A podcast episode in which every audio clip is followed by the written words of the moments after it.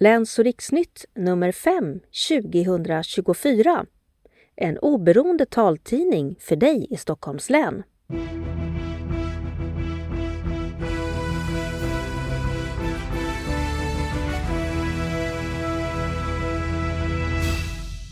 Hej och välkommen till Läns och riksnytt nummer 5 2024.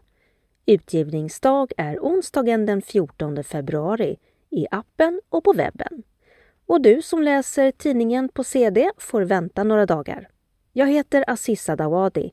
Välkommen! Inslag 1 Telegram om att Arbetsförmedlingen plockar bort en specialkompetens och får kritik från SRF. Regionens akutsjukhus ska inte drivas som bolag, säger de styrande politikerna. Stor ojämlikhet för personer med funktionsnedsättning, det visar ny rapport. Och Gymkedja har tagit fram en policy om att ledarhundar ska vara välkomna. Inslag 2. Sett i veckan. Vi har tagit en titt på hur det ser ut när de 12 kinesiska stjärntecknen har landat i Kungsträdgården. Inslag 3. Här får alla träffa optiker efter stroke. Morgan tränar sin syn och andra förmågor på hjärnskaderehab. Han hoppas snart vara tillbaka i sitt jobb som kock. På den här mottagningen är det regel att träffa en optiker. Men i Socialstyrelsens riktlinjer nationellt finns inte det kravet. Trots uppgifter om att mellan 60 och 80 procent får påverkan på synen efter en hjärnblödning.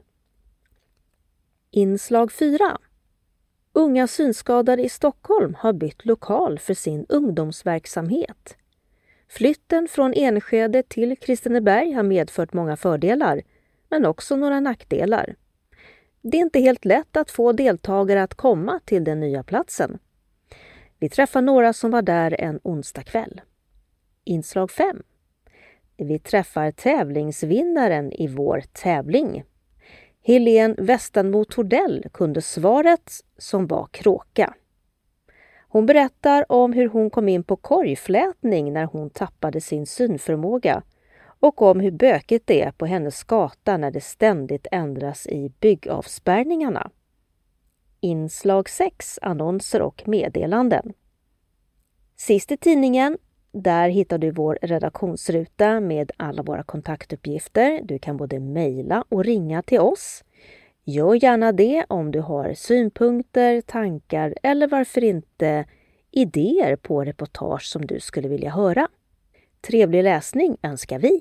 Inslag 1 Telegram Kritik mot att Arbetsförmedlingen tar bort socialkonsulenter.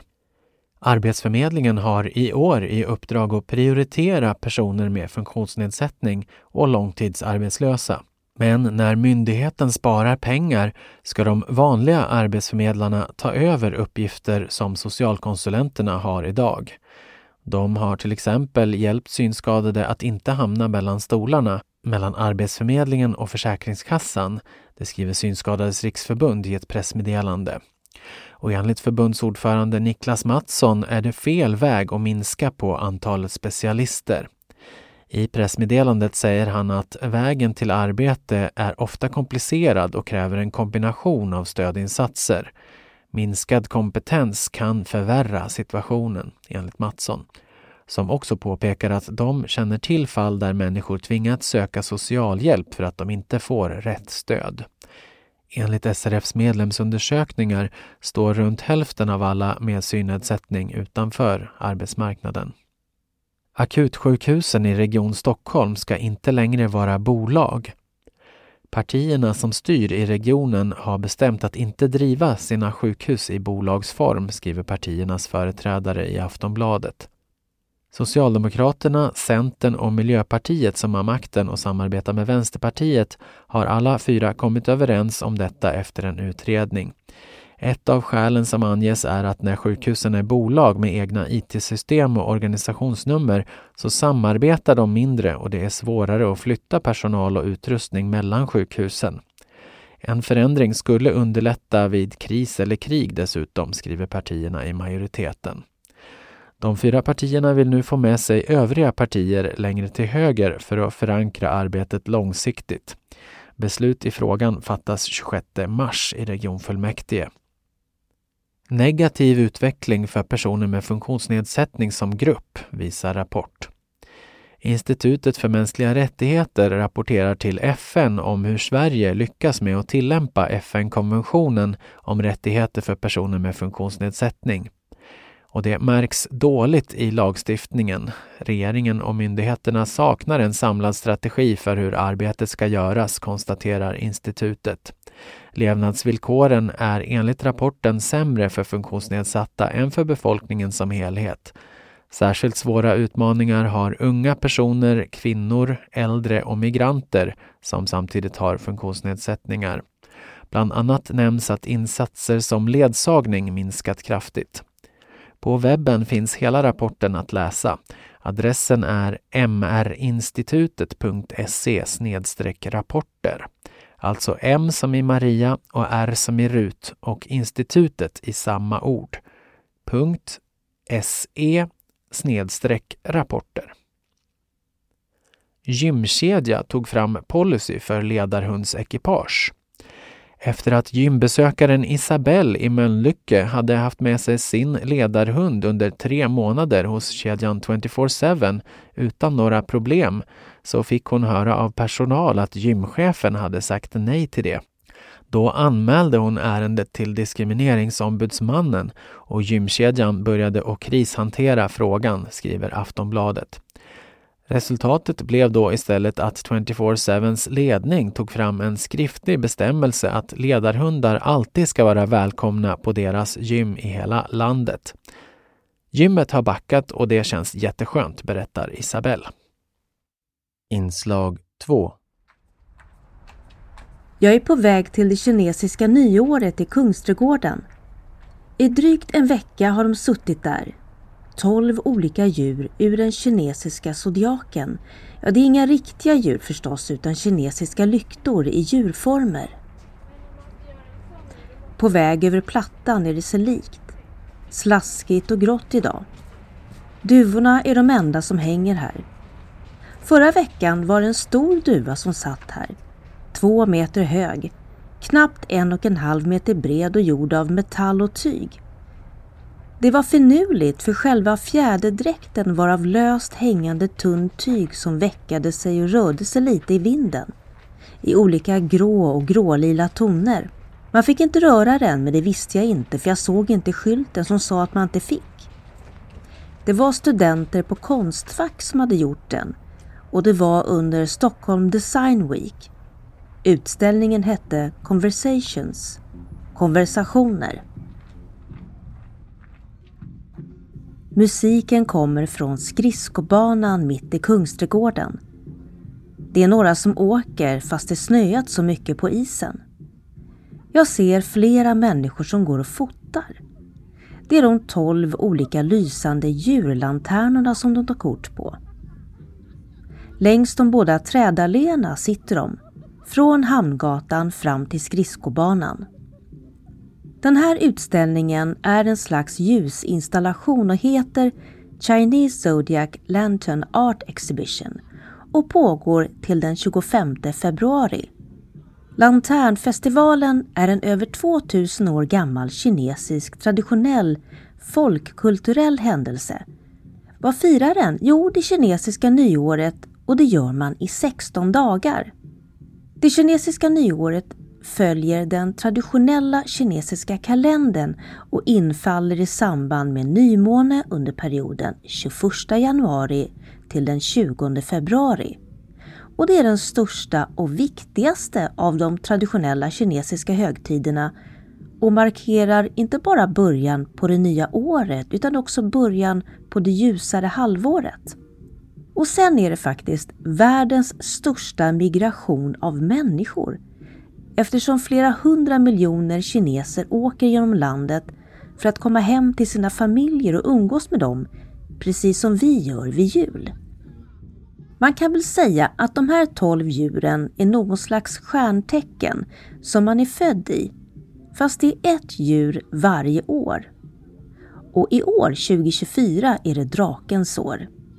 Och sen roteras de här djuråren var tolfte år. Det är flera aspekter som tillhör de här djuren, men vi går inte in på det nu. Det enda djuret av alla tolv som inte är ett som finns i verkligheten är just draken som är i år. De andra djuren är ormen, hästen, geten, apan, tuppen, hunden, grisen, råttan, oxen, tigen. Och alla djur har olika specifika egenskaper som då människan får som är född i just det djuret. Draken är född under tecknet för lycka och har alla möjligheter att nå framgång.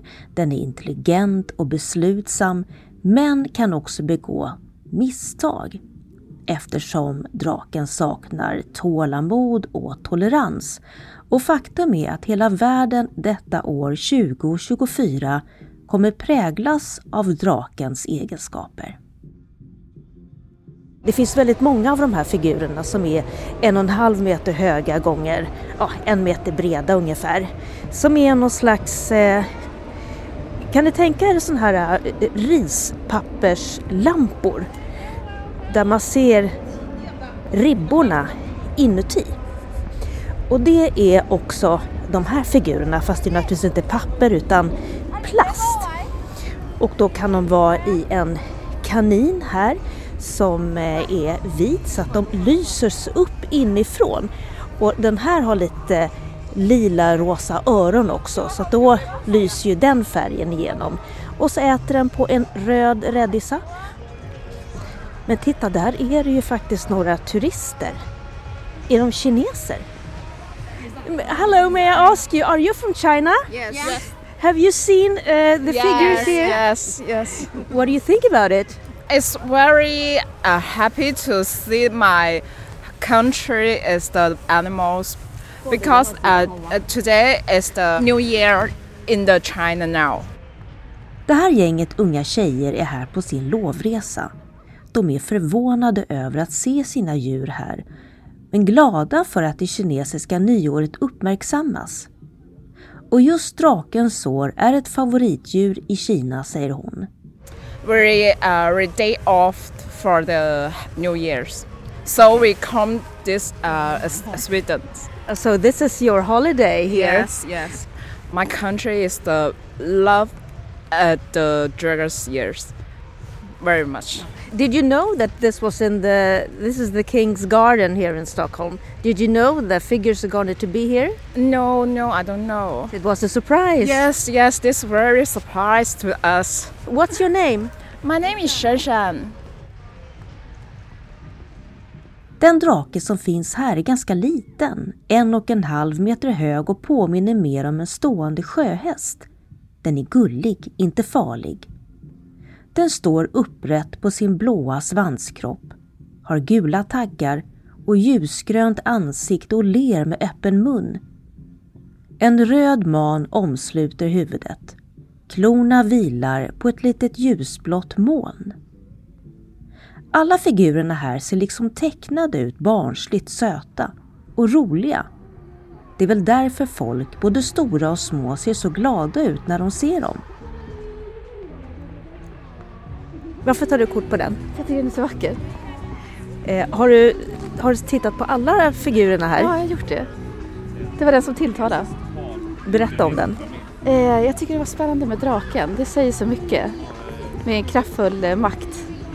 Vad säger den dig, den här kraftfulla makten? Eh, att allt är möjligt. V vad är det som är möjligt för dig då, tänker du? Eh, livet. Och kärleken. Att det finns hopp. Har du något speciellt som du tänker på, hopp och kärlek, liksom specifikt? Är det någon kärlek som väntar? Ja, det är det faktiskt. Har du inte vågat eller? Nej, det är nu jag tar steget. Vad är det som har gjort att du har väntat?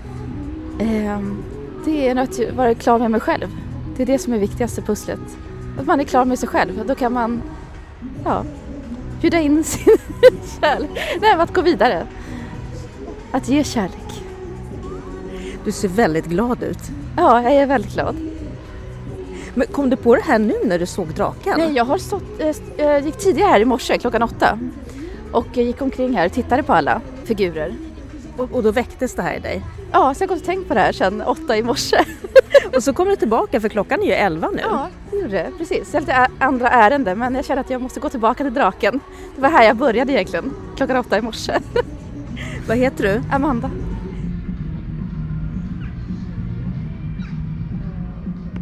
Vill man veta mer om den här ljusinstallationen så finns det en hemsida och då söker man Chinese Zodiac Lantern Art Exhibition. Inslag 3 Helt annorlunda har jag blivit. Jag vet ju att jag ser, men det ser på ett sätt jättesvårt. Det här är Morgan Attil Gustafsson som pratar. Han är kock och det var på skolan där han jobbar som han fick en hjärnblödning för lite mer än ett halvår sedan. Nu står han och tränar på mottagningen för hjärnskaderehab i Flemingsberg. Här finns olika stationer för övning både med dator, ett träningskök och vävstol till exempel.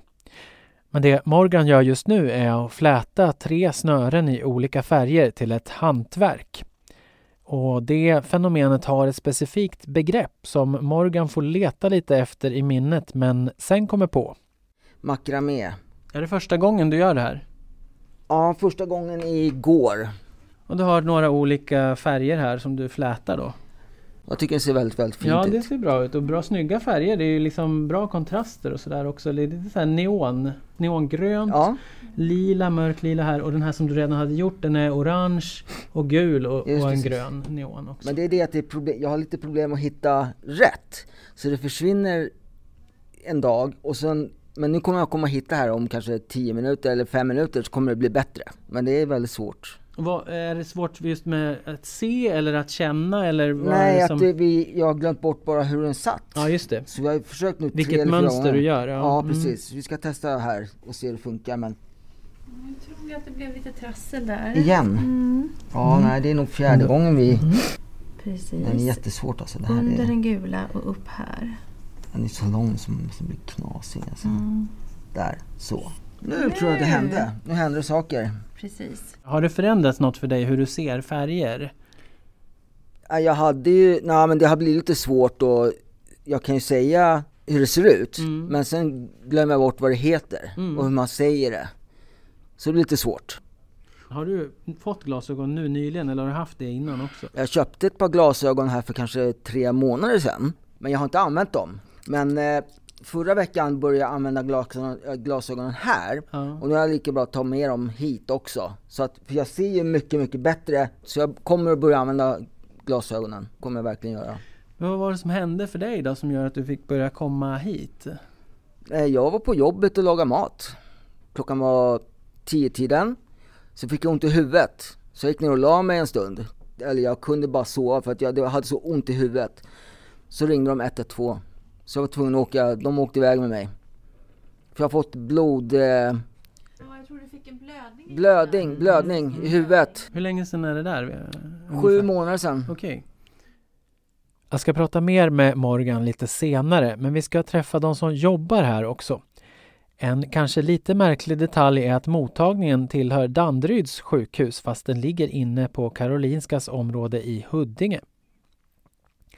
Sammantaget är Danderyds sjukhus hjärnskaderehab den största mottagningen i sitt slag i Stockholmsområdet och i landet. Och här får som regel alla som rehabiliteras träffa en optiker. Och det här är en sak som utmärker just den här kliniken. Det kan nämligen se olika ut på olika ställen eftersom synundersökning efter stroke inte finns inskrivet i Socialstyrelsens nationella riktlinjer. I åtgärdslistan i riktlinjerna står till exempel att det inte finns tillräckligt vetenskapligt underlag om effekten av ögonrörelseträning. Den punkten har inte uppdaterats sedan 2017. Men här menar optiken Jan Johansson, som patienterna på hjärnskaderehab träffar, att det redan finns mycket mer kunskap och att betydligt fler skulle behöva få synen undersökt efter stroke. Tittar man i forskningen så eh, där man har liksom tittat eh, detaljerat på det här med synproblem vid hjärnskada så eh, är det en ganska stor andel, det är någonstans mellan 60 och 80 procent säger man kan ha någon form av påverkan. Och då menar vi syn i ett ganska brett perspektiv för att inte bara liksom skarp synen utan det kan vara synfältet, det kan vara ögonens fokuseringsförmåga och rörlighet och också hur man förhåller sig till synintryck. Så att, eh, det kan vara flera olika aspekter där. Då. Mm. Men det är så då att det kan se lite olika ut var man tittar i landet, hur, hur mycket tonvikt man har lagt på just det här med synundersökning vid eh, hjärnskada? Det är min bedömning att det är ganska olika men det finns ett stort intresse. Vi är ju kontaktade ganska ofta av olika rehabkliniker, eh, både sån här specialiserad rehabilitering och primärvård eh, hör av sig och har frågor hur man kan hjälpa, hur man kan bedöma och så vidare. Och där försöker vi självklart vara behjälpliga med att svara på frågor och även eh, utbildning i en viss mån också. Lena Hamelius som är arbetsterapeut och har jobbat över 20 år på mottagningen hon förklarar att synen hänger ihop med förmågan att processa intrycken i hjärnan.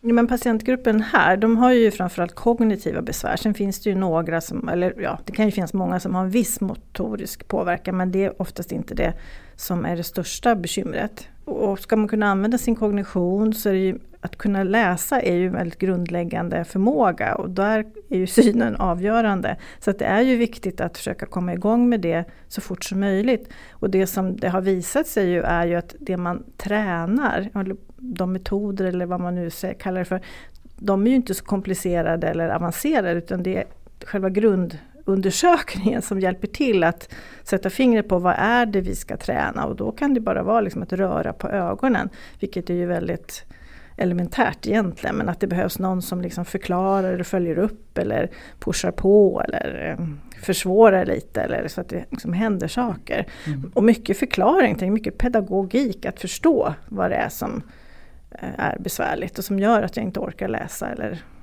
det kan ju vara så, tänker jag, efter en stroke också, om man inte har kommit i kontakt med en specialist, att det är anhöriga som märker att nej men någonting är inte som det brukar här. Liksom. Mm, mm, mm. Eh, kan man liksom bredda det där att liksom upptäcka eh, bättre även då när man inte får komma i kontakt med mm. specialist? Så att säga. Ja, oh ja, alltså man kan göra ganska enkla tester om man får kalla det så genom att bara testa hur man reagerar när man rör ögonen, när man följer med blicken, när man ska flytta blicken snabbt och när man ska kanske ställa om fokus från långt håll till nära håll.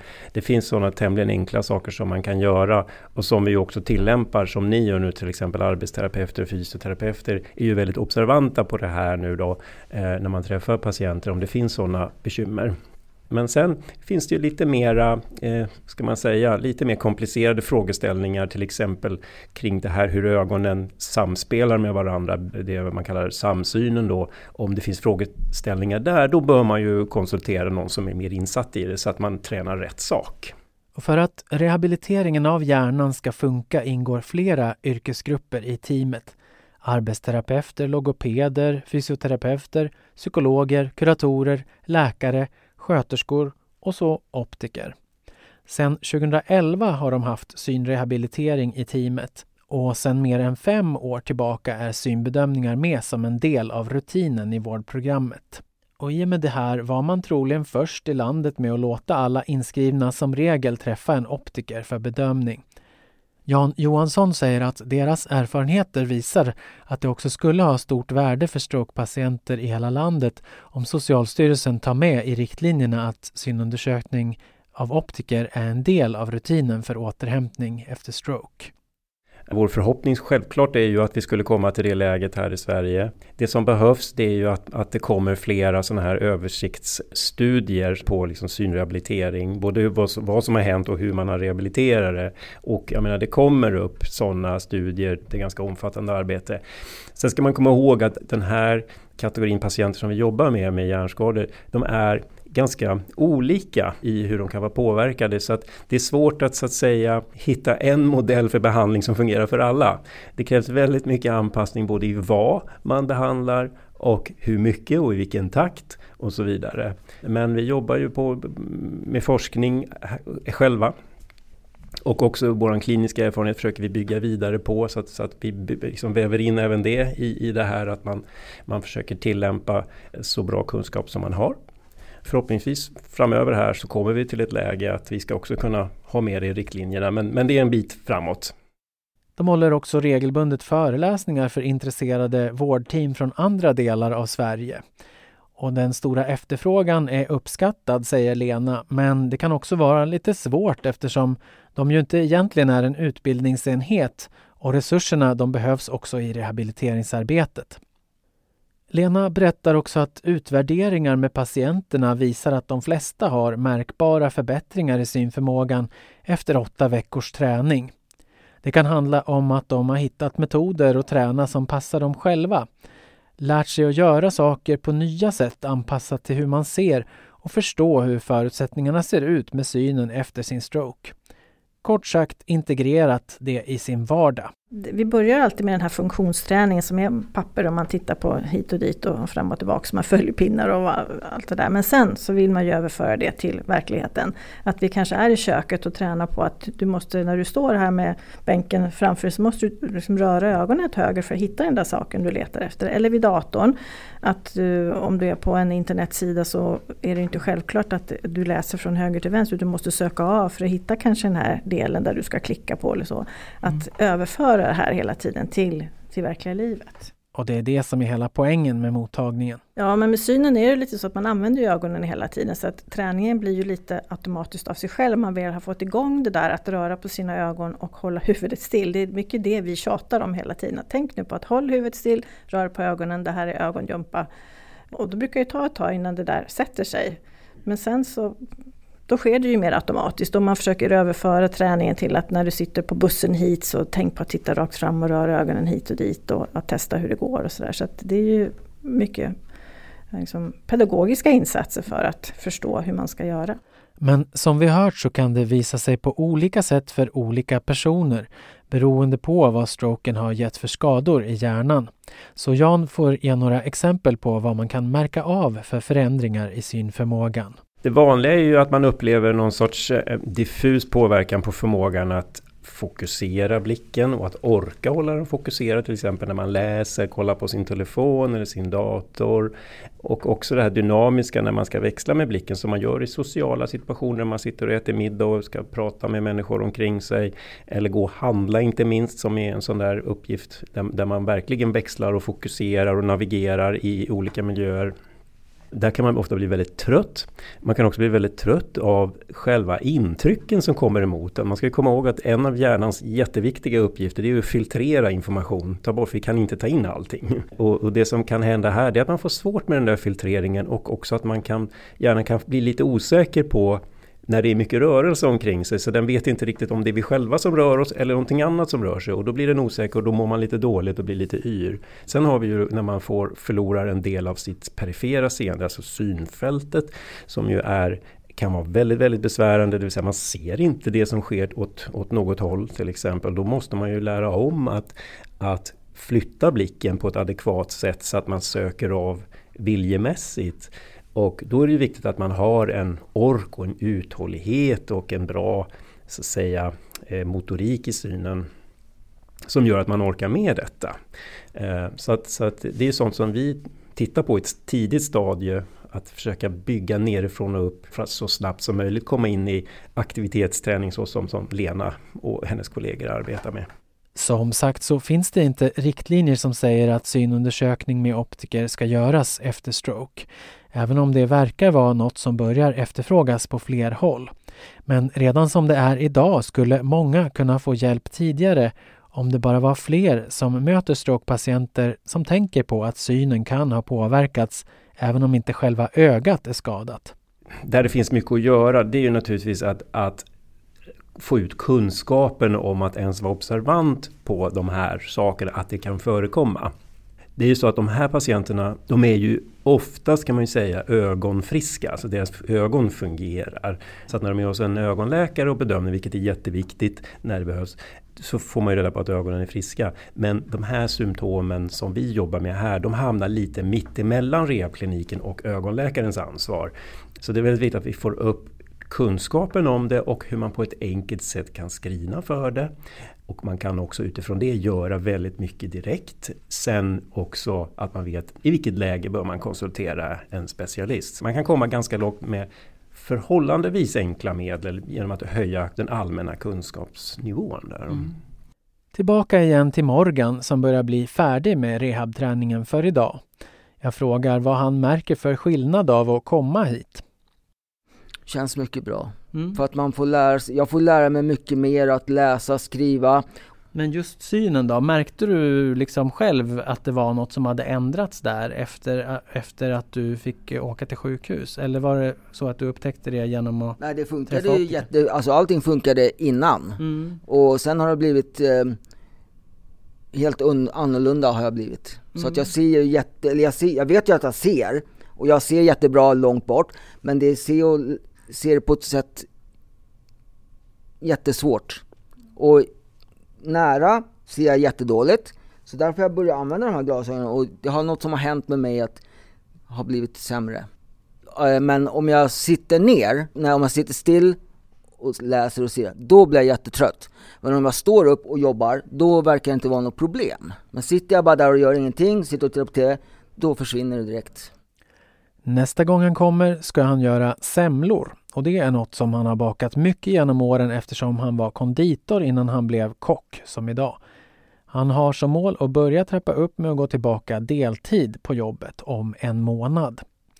Du hörde också arbetsterapeut Lena Hamelius och optiker Jan Johansson på Hjärnskaderehab i Huddinge. Inslag 4 På vår presentationsrunda på gården så brukar vi ha att en berättar hur man mår och eh, hur den åker hem från gårdskvällen, till exempel färdtjänst eller om någon vill bli följd till tunnelbanan. Då kan jag ju kanske börja med att säga jag mår bra, jag kommer åka hem när gården stänger sist av alla. Den som går sist är Rakel Eriksson, samordnare för gården. Så heter den verksamhetslokal som är Unga med synnedsättning i Stockholms ungdomsgård. Det är onsdag kväll och som alltid börjar man med en runda och kolla läget för de som är här. Martin heter jag. Vill du att vi följer dig när gården stänger till på väg mot tunnelbanan som vi brukar eller? Ja men det kan ni göra. Mm. Och hur mår du? Det är rätt bra. Mm. Ska iväg till Thailand alldeles strax. Så... Då tycker jag att det är oförskämt bra med dig. jag sticker på söndag. Så är det. Rätt bra. Ja, jag heter Konrad. Jag mår bra, jag är lite trött bara. Jag åker hem 21.30 med färdtjänst. Sabah heter jag. Um, jag mår bra. Jag ska åka färdtjänst vid 21. Och då är det så här, det är tre saker som ska göras idag, alltså som hela gruppen gör tillsammans. Och dels så har ju du Konrad, du har ju förberett ett musikquiz har jag hört, eller hur? Ja, det har jag. Mm. Och det var 15 frågor, eller 15, låtar. 15 låtar långt. Jajamän. Så det tänkte jag att det skulle ju kunna börja med.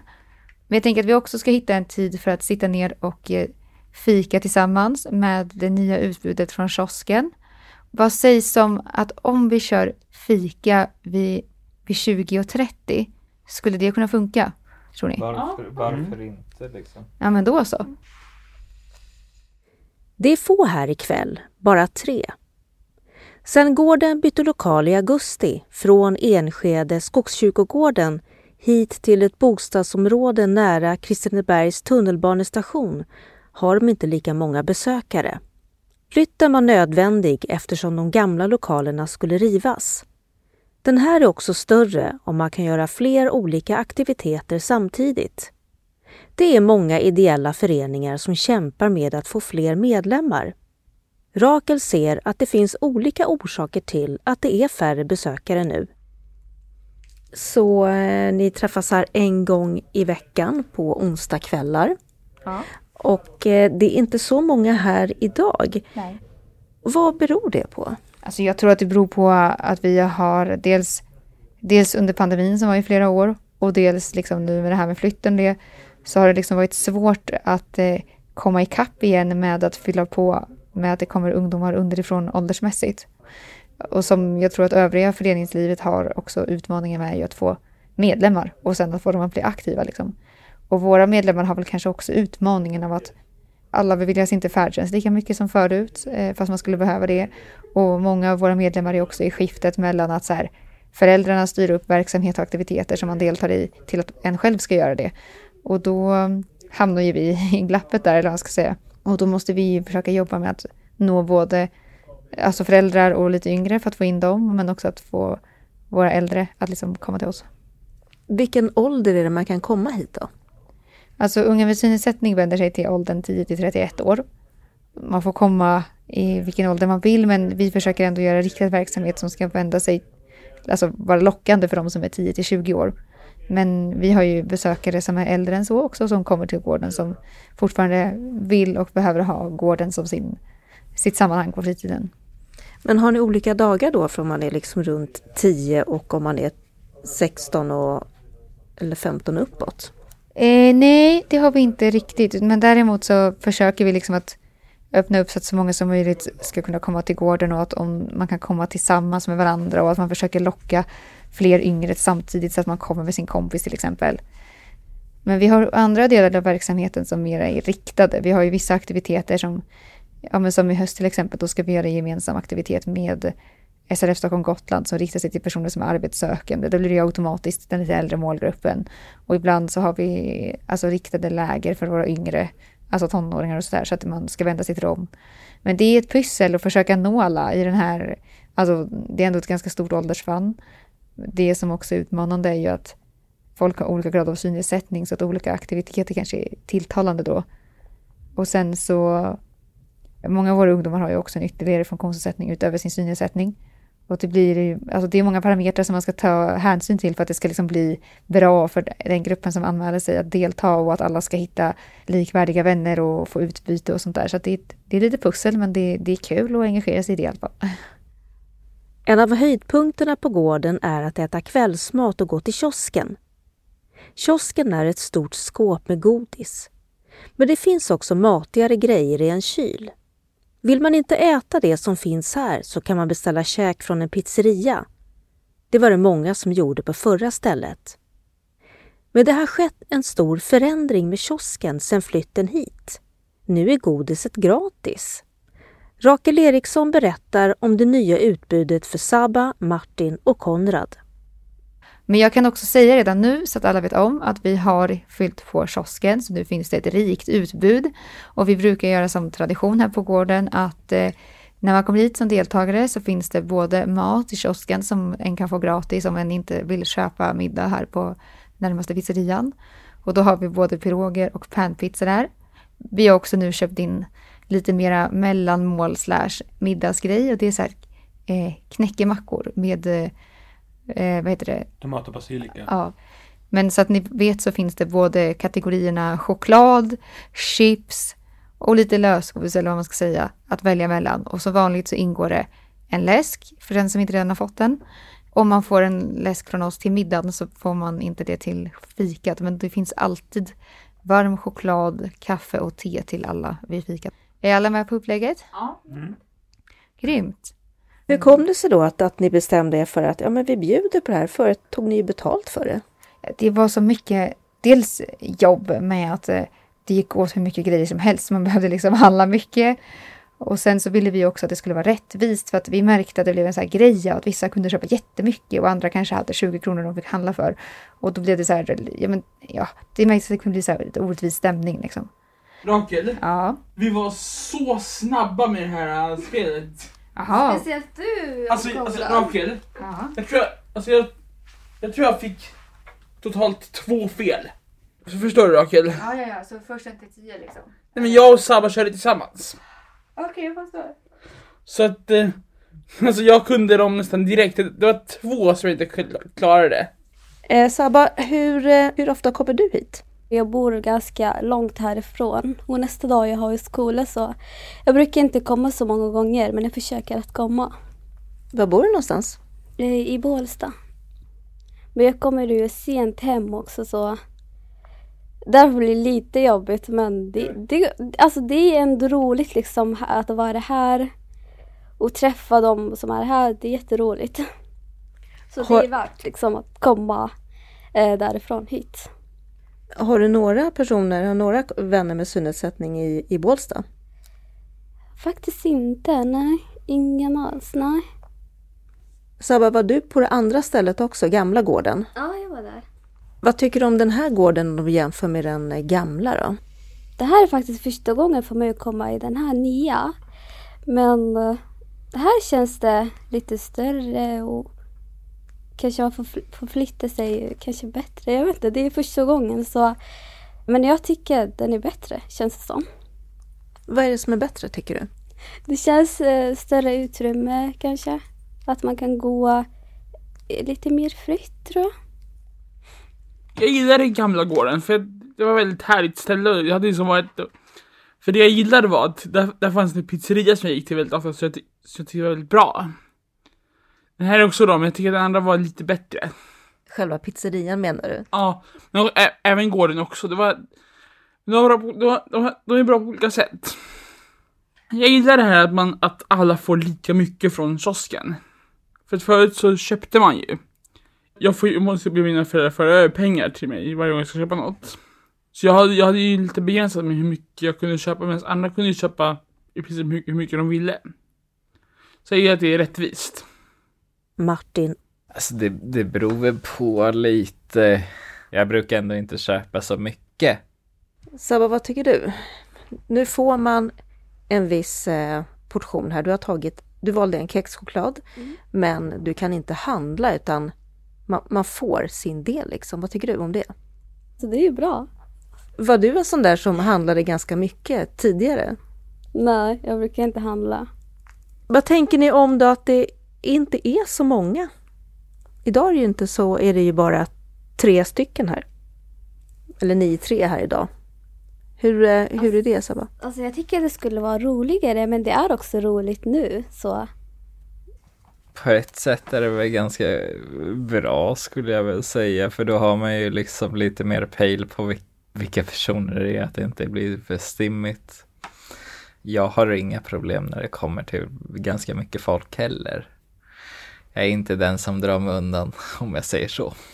Jag tycker det är lite synd att det är så få för att vi hade några, några andra förut som alltid kom, på, alltså nere förra stället, som alltid kom varje vecka. De har inte kommit sen vi flyttade. Vad kan det bero på? Jag tror att det är de här nya rutinerna. Jag tror att det beror på det. Förut så kunde man ju köpa mat själv. man, vissa köpte, vissa gick och köpte från den här pizzerian. Vissa köpte från här, via Foodora. Det fanns mycket mer valmöjligheter. Nu är det en restaurang. Det här matalternativet, tänker du att det är en, en stor eller bidragande orsak till att man inte kommer? Jag tänker att hur viktig är maten egentligen? en stor del för mig. Det är så att man kom, man köpte sin mat, man satt och snackade medan man käkade. Det var liksom en del av gården. Det, det jag tror också att det väldigt mycket handlar ju om vart de bor. Jag tror mycket handlar om resväg, hur lång tid tar det och den här gården kanske ligger lite off, mer off till än vad de andra gör. Dess bättre så ligger den bättre till för mig. Men den här gården kanske ligger lite mer off till för de andra. Får jag lägga till en sak där? Liksom när man har liksom tränat in en väg, en, liksom en, en väg som man går varje vecka i en lång period. Så ska man plötsligt byta, då ska man lära, lära sig en helt ny väg och helt, hitta helt nya ställen och sådär. Tror det kan bero på det också. Att det blir en tröskel då som Ja, man, exakt. man inte kommer, kommer över utan man väljer då att nej, jag struntar i det liksom. Exakt. Mm. Sabba, det tar väl en timme för dig att komma hit från Bålsta va? Med bilen? precis, ja. ja, det gör det. Det är en- en vanlig tid som det tar för de flesta i Stockholm att ta sig till jobbet. Vad betyder det för dig att få vara här på gården?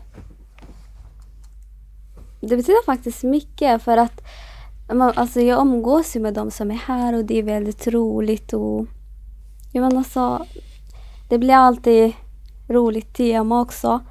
Och sen eh, det är inte bara för temat jag kommer hit. Det är bara liksom också för att träffa de andra och de är snälla, omtänksamma också. Så det är roligt ändå. Mm.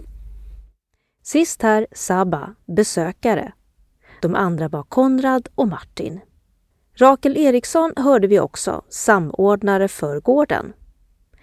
Vill man veta mer om verksamheten kan man kontakta US Stockholm. De har också en Facebook-sida.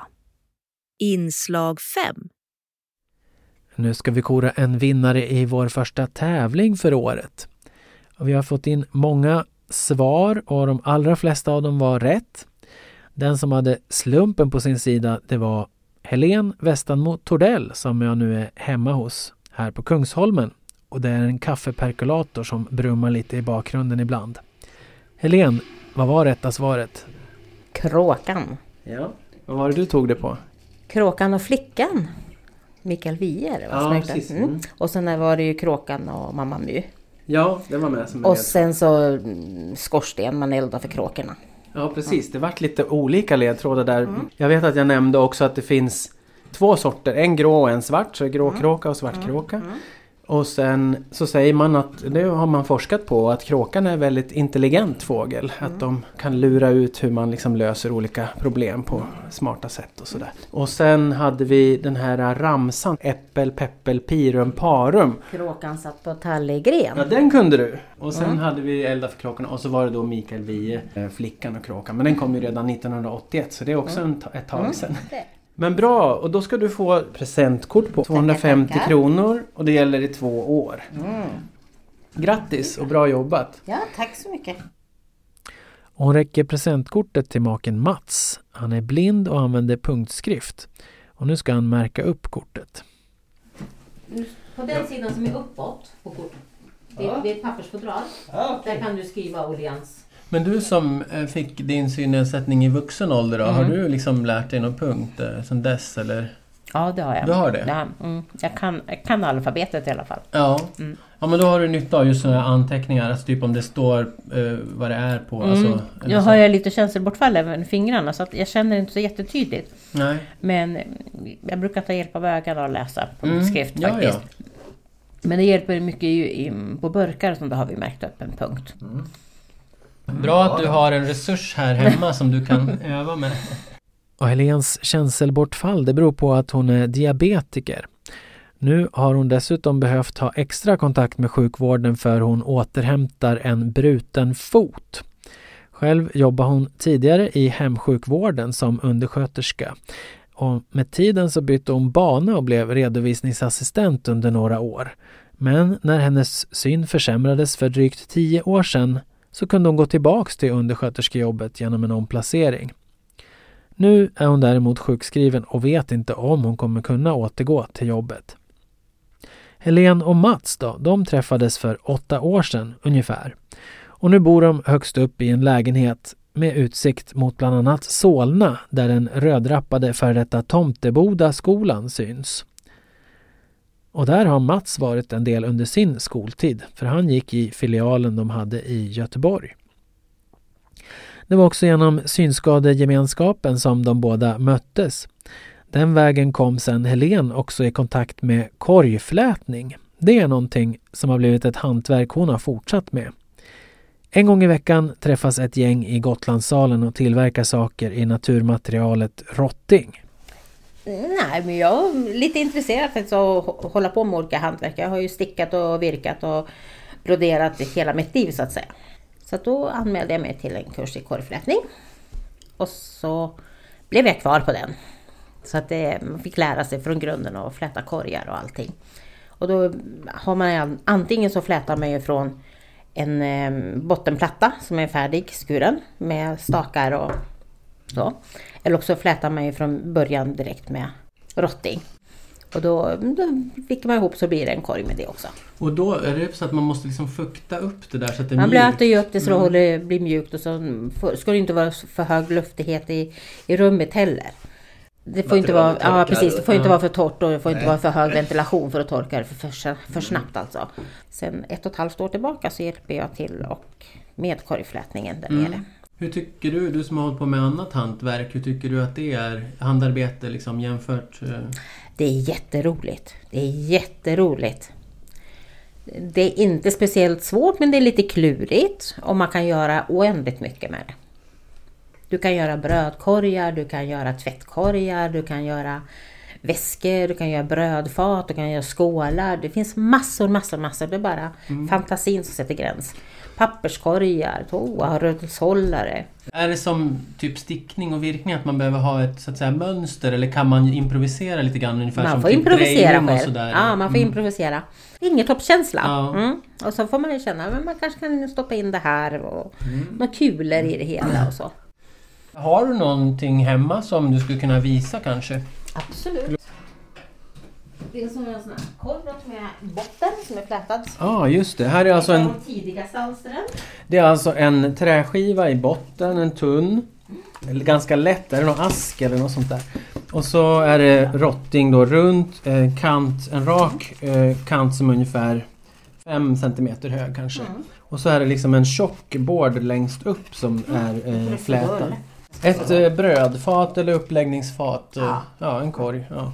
Och sen har du en rund och där är ju botten flätad också. Ja. Och då har du ju, men här har du ju liksom en kant som är ganska tätt flätad och sen längst upp så är det med bågar så att det blir lite luftigare. Ja.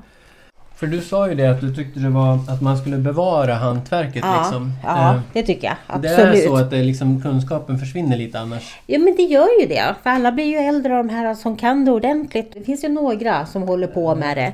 Och de är ju kring 80 år. Så att det liksom försöka ta, suga ut kunskaperna liksom och bibehålla det och lära sig på nytt. Liksom. Ja, och fläta korgar, det blev någonting nytt att jobba med för händerna och det kändes roligare än att fortsätta med stickningen. Ja, och sen tycker jag det är så tråkigt när man inte ser och, och sitta och sticka och Därför jag vet hur fort det går att sticka en tröja när jag stickar normalt. För den, den stickar jag ju på två, tre kvällar. Men det kan jag inte nu när jag har tappat synen för då måste jag hela tiden tänka och jag kan inte sticka de alstren som jag gjorde då. Jag har ju gjort några tröjor och så, det har jag gjort. Så att, men det tar mycket längre tid och då, då ger jag upp lite. När vi har suttit och pratat ett tag vid kaffebordet så kommer den kolsvarta katten Ava fram och hälsar. Hon är en sex år gammal omplaceringskatt som kom hit till sitt nya hem för ungefär ett år sedan. Helen och Mats de tar gärna promenader, ganska långa helst, men då får ju katten stanna hemma.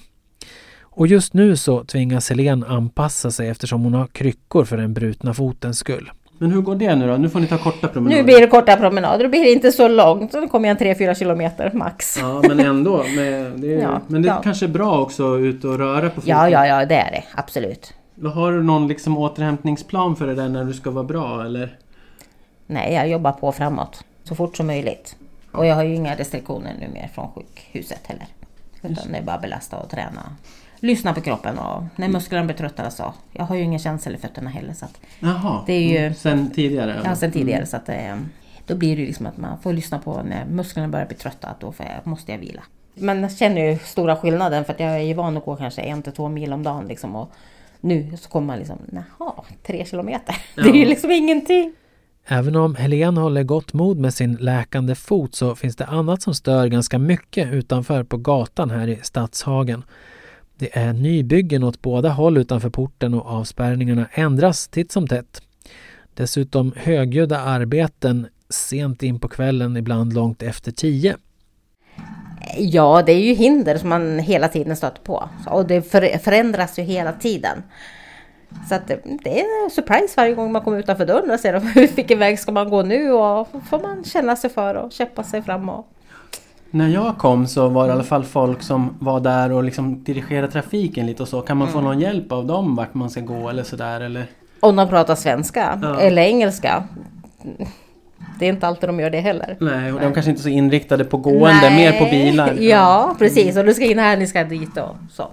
I början så såg man ju inte vart den här, hem, den här gångvägen var. Då kom man ju rakt ut i bilgatan. Ja, Och så fick man ju gå den då tills man kom förbi och kunde svänga in igen på trottoaren. Då. just, just. Sen fick de ju upp lite skyltar och så. En del tänker ju till. De tar lite hänsyn ibland. Ja, ibland. Men det gäller ju att man stöter på dem också när de håller på. Ja. Men hur, och apropå det då, hur är din syn? Alltså du har lite syn? Ja, det, jag ser ju liksom några saker så framför mig. Jag kan ju se om det är en pelare eller något ljus och mörkt om det skiftar. Och ser ju att det är bilar och att det kan komma folk och sådana saker. Just men de här tunna staketen som de sätter upp för att spärra av, det, det är bara sådana Ja, tunna... det, de ser jag ju oftast Nej, inte. nej. Utan tvärtom så får jag dem mätt mellan ögonen. Och så pratar vi om vad hon tänker köpa för tävlingsvinsten. Helene säger att det nog blir någon inredningspryl eller annat till hemmet. Ganska ofta så handlar hon på nätet i olika butiker och hon är bra på att leta upp erbjudanden, säger hon. Därför frågar jag också om hon har något tips till andra som vill hålla nere utgifterna. Matpriskollen använder jag väldigt mycket för den tycker jag är ganska bra. Man kan ju söka igenom alla erbjudanden och lägga upp de affärerna som ligger närmast. Och sen så går jag igenom alla dem och det är kanske 300 erbjudanden. Då ligger de ju liksom i ordning kött och skärk och mejerier och sånt där. Så får man ju söka igenom det. Och den är ganska bra. Annars, den- annars så tycker jag liksom, ja, Willys är väl ganska bra för mig och är värdelös för min man. Eh, Som inte som ser. inte ser. Mm. Men Men- däremot så har vi hört andra blinda som är inne på deras hemsida som tycker den är mycket bättre. Ibland är apparna bra, ibland är hemsidorna som är bra. Mm. Och när det gäller den här matpriskollen som du nämnde då, Mm. är det app eller hemsida som du helst använder där då? Appen. Nu är kaffet uppdrucket och fikabrödet slut i korgen så jag rundar av intervjun och tackar för mig. Vi kan väl tillägga sist, apropå tävlingen, om ledtråden att djurets fötter ibland liknas vid spretiga mänskliga avtryck. Ja, det brukar ju kallas för kråkfötter när handstilen börjar bli oläslig. Kråka var rätta svaret och Helene Westanmo Tordell var veckans vinnare. Inslag 6, annonser och meddelanden. Alla hjärtans disco, SRF Stockholms stad. Digital verkstad i Gotlandssalen. Inspirationsföreläsning i Gustavsberg. Kurs i motionsskrivning, SRF Stockholm Gotland. Kurs i pappershantverk. Lär dig använda din Android-mobil, SRF Stockholms stad. Medlemsträff i Tullinge, SRF Botkyrka Salem. Medlemsträff SRF i Nacka om digitala tips. Syntolkad visning Moderna Museet. Syntolkat på Nationalmuseum. Syntolkning blir det också av Mamma Mia The Party. Trivselträff Tyresö, SRF Stockholm Gotland. Träff i Nynäshamn, SRF Stockholm Gotland. Valberedningen efterlyser förslag, SRF Stockholm Gotland. Och till sist vandring i Hellasgården, DBFK. SRF Stockholms stad. Alla hjärtans pub med disco. Fredagen den 16 februari är det dags för terminens första pub. En pub med kärlekstema och disco. Tid och plats klockan 17 till 22 i Gotlandssalen, Gotlandsgatan 44. Till försäljning finns snacks och pajer samt öl, vin och alkoholfria drycker. Du kan betala med kort eller kontanter. Ingen anmälan krävs. För mer information kontakta Birgitta Lindén på telefon 070 276 38 18 eller e-post birgitta linden Varmt välkomna! Digital hörna blir digital verkstad. Höstens populära Digital hörna byter namn till Digital verkstad. Vi kommer också att ändra lite på upplägget. Under våren kommer två träffar att vara vikta för Android-användare och två för dig som använder iPhone. Det första tillfället är den 20 februari och det är för alla er som använder plattformen Android. Det gäller alltså för er som till exempel har en Samsung eller Google-telefon. Tiden är klockan 18 till 20.00. Om du vill fika och äta en smörgås innan är du välkommen redan klockan 17.30. Den andra digitala verkstaden är den 20 mars. Även den klockan 18 till 20.00 för iPhone-användare. Med fika och smörgås från klockan 17.30. Vi planerar för ytterligare två tillfällen senare i vår och i höst även för en navigeringskurs. Samtliga träffar är i Gotlandssalen. Färdtjänstadress Gotlandsgatan 44, Stockholm. Tunnelbanestation Skanstull. Ledsagning finns på plats och vi bjuder på fika och smörgås.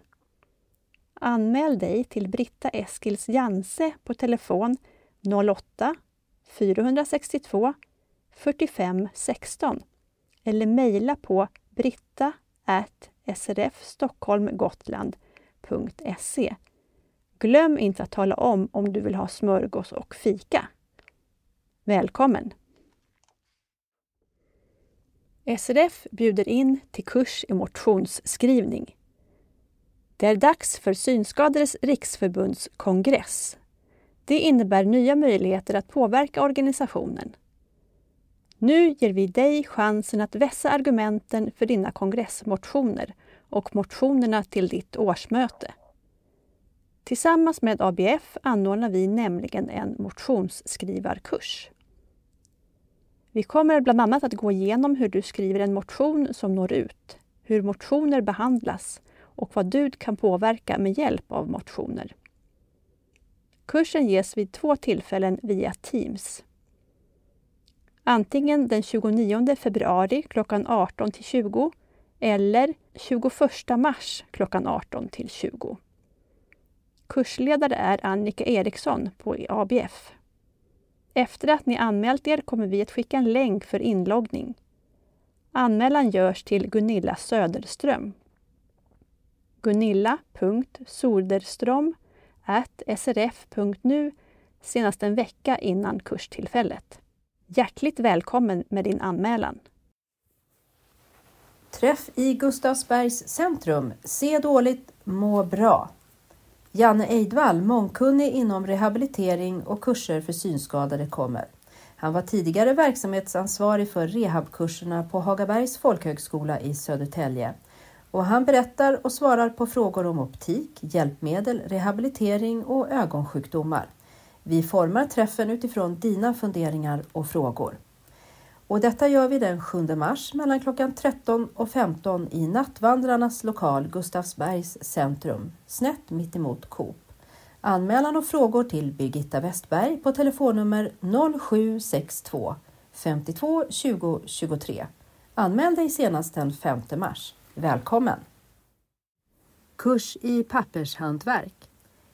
SRF Stockholm Gotland anordnar en kurs i pappershantverk. Vi lär oss vika papper i olika former, till exempel askar och etuier. Kursen är tre torsdagskvällar i maj, den 2, 16 och 30 maj. Tiden är 18 till 21. Vi ses hos konstnären på Långholmen. Du får mer information när du anmäler dig. Egenavgiften är 400 kronor. Observera att antalet är begränsat. Anmäl dig till Anne Måndotter på telefon 070 716 98 95. E-post Anne Måndotter gmail.com. SRF Stockholms stad. Lär dig mer om hur du använder din Android-telefon. Vill du lära dig mer om hur du får ut så mycket som möjligt av din Android-telefon med talstöd och förstoring? Då är detta cirkeln för dig. Vi går igenom såväl grundläggande funktioner som hur du bäst använder appar som till exempel Kivra, Legimus, 1177 med mera. Vi övar tillsammans och kan även få personlig instruktion.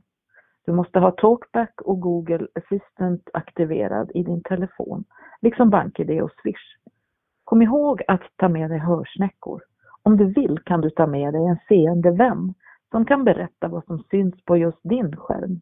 Men cirkelledaren hjälper också till med detta. Praktisk information. Cirkeln startar den 5 mars och pågår under 10 tisdagar klockan 14.30 till 16. Plats Gotlandssalen, Gotlandsgatan 44. Ingen deltagaravgift. Cirkelledare Pontus Falk.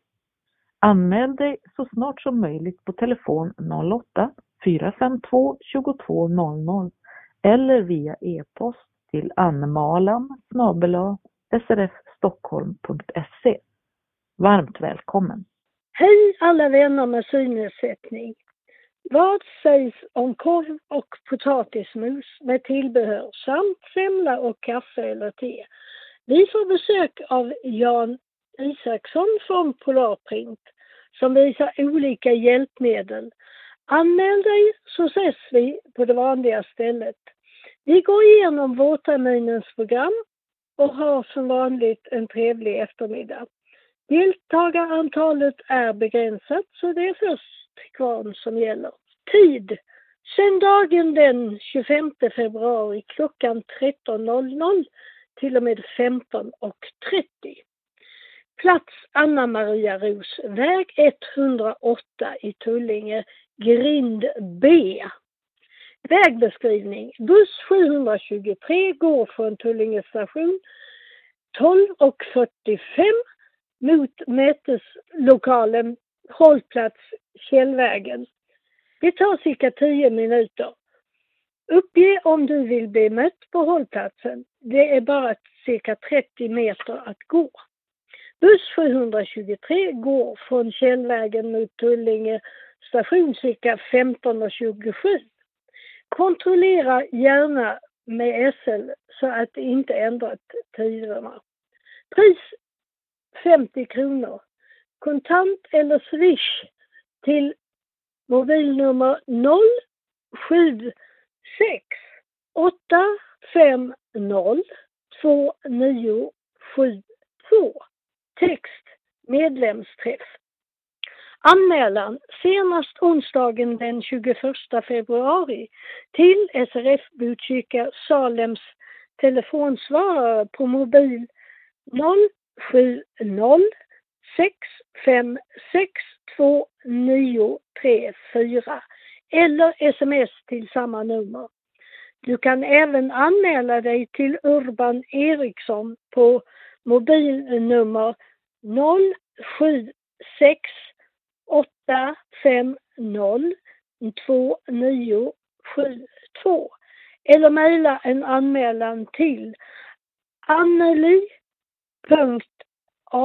anneli.amrv62 gmail.com Anneli stavas utan e på slutet och AMRV är initialerna till Anna Maria Rosväg. Tala om hur många som kommer och ett telefonnummer vi kan nå dig på samt om du eller någon du anmäler behöver specialkost. Ledsagare, vi hjälps åt eftersom några av oss har tillräcklig synskärpa. Varmt välkomna aktivitetskommittén SRF Botkyrka-salen. Så har vi en träff i Nacka med temat Digital teknik, en bra hjälp för synskadade. Träffen är den 29 februari och det är Magnus Lindmark och Urban Eriksson som svarar på dina frågor och ger tips och råd. På träffen kommer vi även att välja representanter till årsmötet som SRF Stockholm Gotland har den 27 april. Kan du inte komma på träffen den 29 men gärna vill vara med på årsmötet i april Hör av dig till Britta Eskils Janse på 08-462 45 16 före träffen den 29 februari. Vi ses klockan 14 till 15.30 på Träffpunkt Smedjan, Nya gatan 12 vid Nacka Forum. Anmäl dig till Frida Ambros som är Nacka kommuns syn och hörselinstruktör på telefonnummer 070-431 84 83 eller e-post frida.ambros nacka.se. Anmäl dig senast den 27 februari. Välkommen! Välkommen till Moderna Museet och vårens första visning för dig med synnedsättning. Visningen äger rum torsdagen den 15 februari mellan klockan 16 och 17 och sker i långsamt tempo. Guiden beskriver några av de färg och formstarka konstverken i utställningen Rosa segel Svensk modernism i Moderna Museets samling och berättar om de olika sammanhang de tillkommit i. Det är begränsat antal platser.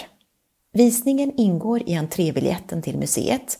För att reservera en plats, mejla till bokavisning modernamuseet.se. Ange datum för visningen i meddelandefältet Och, och berätta också om det medföljer en ledsagare. Ledsagare går alltid gratis. Telefonnummer till infodisken på Moderna Museet är 0723 73 42 49. Fler visningar under våren blir den 14 mars, 25 april och 23 maj, alltid mellan klockan 16 och 17. Varmt välkommen! Visning på Nationalmuseum torsdagen den 15 februari klockan 11.15 till 12.45. Vi kommer att besöka Nationalmuseums utställning om modernt och samtida amerikanskt konsthantverk. Utställningen heter Beauty and the Unexpected. Visningen utgår från beskrivningar av några få verk i utställningen. Visning och entré är kostnadsfria. Även ledsagare går fritt. Ledarhund och servicehund är välkomna. Har du frågor inför visningen? Kontakta Sara Borgegård Eljå på telefonnummer 070 841 87 64. Jag upprepar 070 841 87 64. Du kan också mejla sara.borgegard nationalmuseum.se Alltså. S-A-R-A punkt. B-O-R G-E-G A-R-D snabel nationalmuseum.se Vårens andra visningar på torsdagar klockan 11.15 till 12.45 är den 14 mars då vi kommer se en ny utställning som heter Design lika med Memory. Den 18 april när vi kommer se utställningen om Harriet Backer och den 23 maj när vi kommer fokusera på skulpturer, hur de är gjorda och vår nya taktila station på museet. Hjärtligt välkomna! Den 16 februari har Mamma Mia The Party återigen premiär på Tyrol i Stockholm. Veckan innan premiären har vi på Syntolkning nu fått möjligheten att bjuda in till Nikos grekiska taverna med musik och mat. En upplevelse där ni som gäster också är en del av föreställningen. Så detta är en av de sista repetitionerna är biljettpriset starkt reducerat, men upplevelsen är precis lika stor. Till detta unika tillfälle kan du endast boka biljetter via mail till theparty.syntolkning.nu, telefon 031 360 84 45 eller via vår hemsida syntolkning.nu. Välkomna! SRF Stockholm Gotland bjuder in till trivselträff i Tyresö. Vi träffas, fikar och har trevligt. Fredagen den 23 februari klockan 14 till 16. Adress är Pingstkyrkans second hand-butik på Bollmora Gårdsväg 6, Tyresö. Tid 14.00 till 16.00. Anmälan och frågor Evy Hellberg på telefon 070 758 50. SRF Stockholm Gotland bjuder in till träffar i Nynäshamn under våren. Observera den nya adressen. Centrumkyrkan, Stadshusgränd 4, Nynäshamn. Centrumkyrkan, Stadshusgränd 4 i Nynäshamn. Redan nu på fredag den 16 februari mellan klockan 13 och 15 är du varmt välkommen. Vid detta tillfälle så kommer polisen förbi och berättar om hur du undviker att råka ut för bedrägerier. Anmälan sker till Kristina Ljung på telefon 08 462 45 08. Kristina.Ljung srf stockholmgotland.se Kristina med K och Ljung med LJ. Varmt välkommen med din anmälan! Här kommer en uppmaning från valberedningen för SRF Stockholm Gotland. Föreslå ledamöter till styrelsen, ombud till SRFs kongress i oktober och verksamhetsrevisorer. Hör av dig under februari månad med förslag till valberedningen i SRF Stockholm Gotland. Ring eller mejla Kaj Nordqvist 070-580 42 94 eller e-post kaj.nordqvist srfstockholm.se Nordqvist stavas med QU. Arvid Lindén 0761 04 15 25 eller Mattias Lundberg 070 523 52 95 e-post m.lundberg till styrelsen i distriktet ska väljas en ordförande på ett år, fyra ledamöter på två år och två ersättare på ett år. Ombud och ersättare ska väljas till kongressen i SRF i höst 2024 och två verksamhetsrevisorer ska väljas, en ordinarie och en ersättare. Alla förslag måste ha kommit in senast den 29 februari och de du föreslår måste ha tackat ja. Vandring till Hellasgården med bastu och bad med DBFK den 24 februari. Vi samlas vid Björkhagens tunnelbanestation lördagen den 24 februari klockan 10.30 för cirka en timmes vandring genom Nackareservatet till Hellasgården. Väl framme fikar vi på något av fiken där. Därefter går det modiga vidare till bastun och det extra modiga kan ta ett svalkande bad i den upphuggna isvaken i Källtorpssjön. Bastun måste förbokas. Därför är sista anmälningsdagen den 22 februari.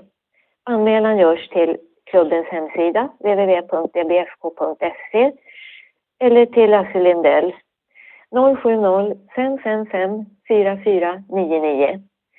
Vid anmälan meddela om du ska bada bastu eftersom föreningen måste boka och betala för detta i förväg. De som inte vill basta kan efter fika ta bussen till Slussen. Säg till om ni har eh, behov av ledsagning. För bastubadare, medtag, handduk, hängdås, badkläder och tofflor att gå ner till bryggan med. Bastun kostar 170 kronor per person och betalas på plats. Ledsagare kommer att finnas både i herr och dambastun. Läns och riksnytt ges ut av SRF Stockholm Gotland med stöd från Region Stockholm. Tidningen distribueras av Urban Audio AB och för eh, prenumerationsärenden så ringer du 08 462 45 23. Alltså 08 462 45 23. Ansvarig utgivare är Assissa Dawadi som även är reporter tillsammans med Henrik Jansson och Annika Edvards. Vill du ha med en annons i tidningen behöver vi ha in den senast klockan 12 på tisdagar för publicering samma vecka. Du kan antingen ringa in din annons på vår telefonsvarare 08 644 34 30 eller mejla in en ljudfil till lansnytt snabela srf Stockholm Gotland i ett ord.se. På telefonsvararen och mejlen kan du även lämna andra meddelanden till oss på redaktionen. Du kan läsa Läns och riksnytt på flera sätt. På Daisy, i appen som heter LOR LOR Play som finns både för iPhone och Android. I din dagstidningsspelare om du prenumererar på en dagstidning. Eller läs oss på webben lansoriksnytt.se. Och här har vi även syntolkade bilder till alla inslagen. När du inte längre behöver din Daisy-skiva så slängs den i de vanliga hushållssoporna. Men vi vill gärna uppmuntra dig att läsa oss digitalt, för miljöns skull. Information om taltidningar och viss supporthjälp finns hos Polarprint på telefonnummer 020 826913. Tack för att du läser Läns och riksnytt!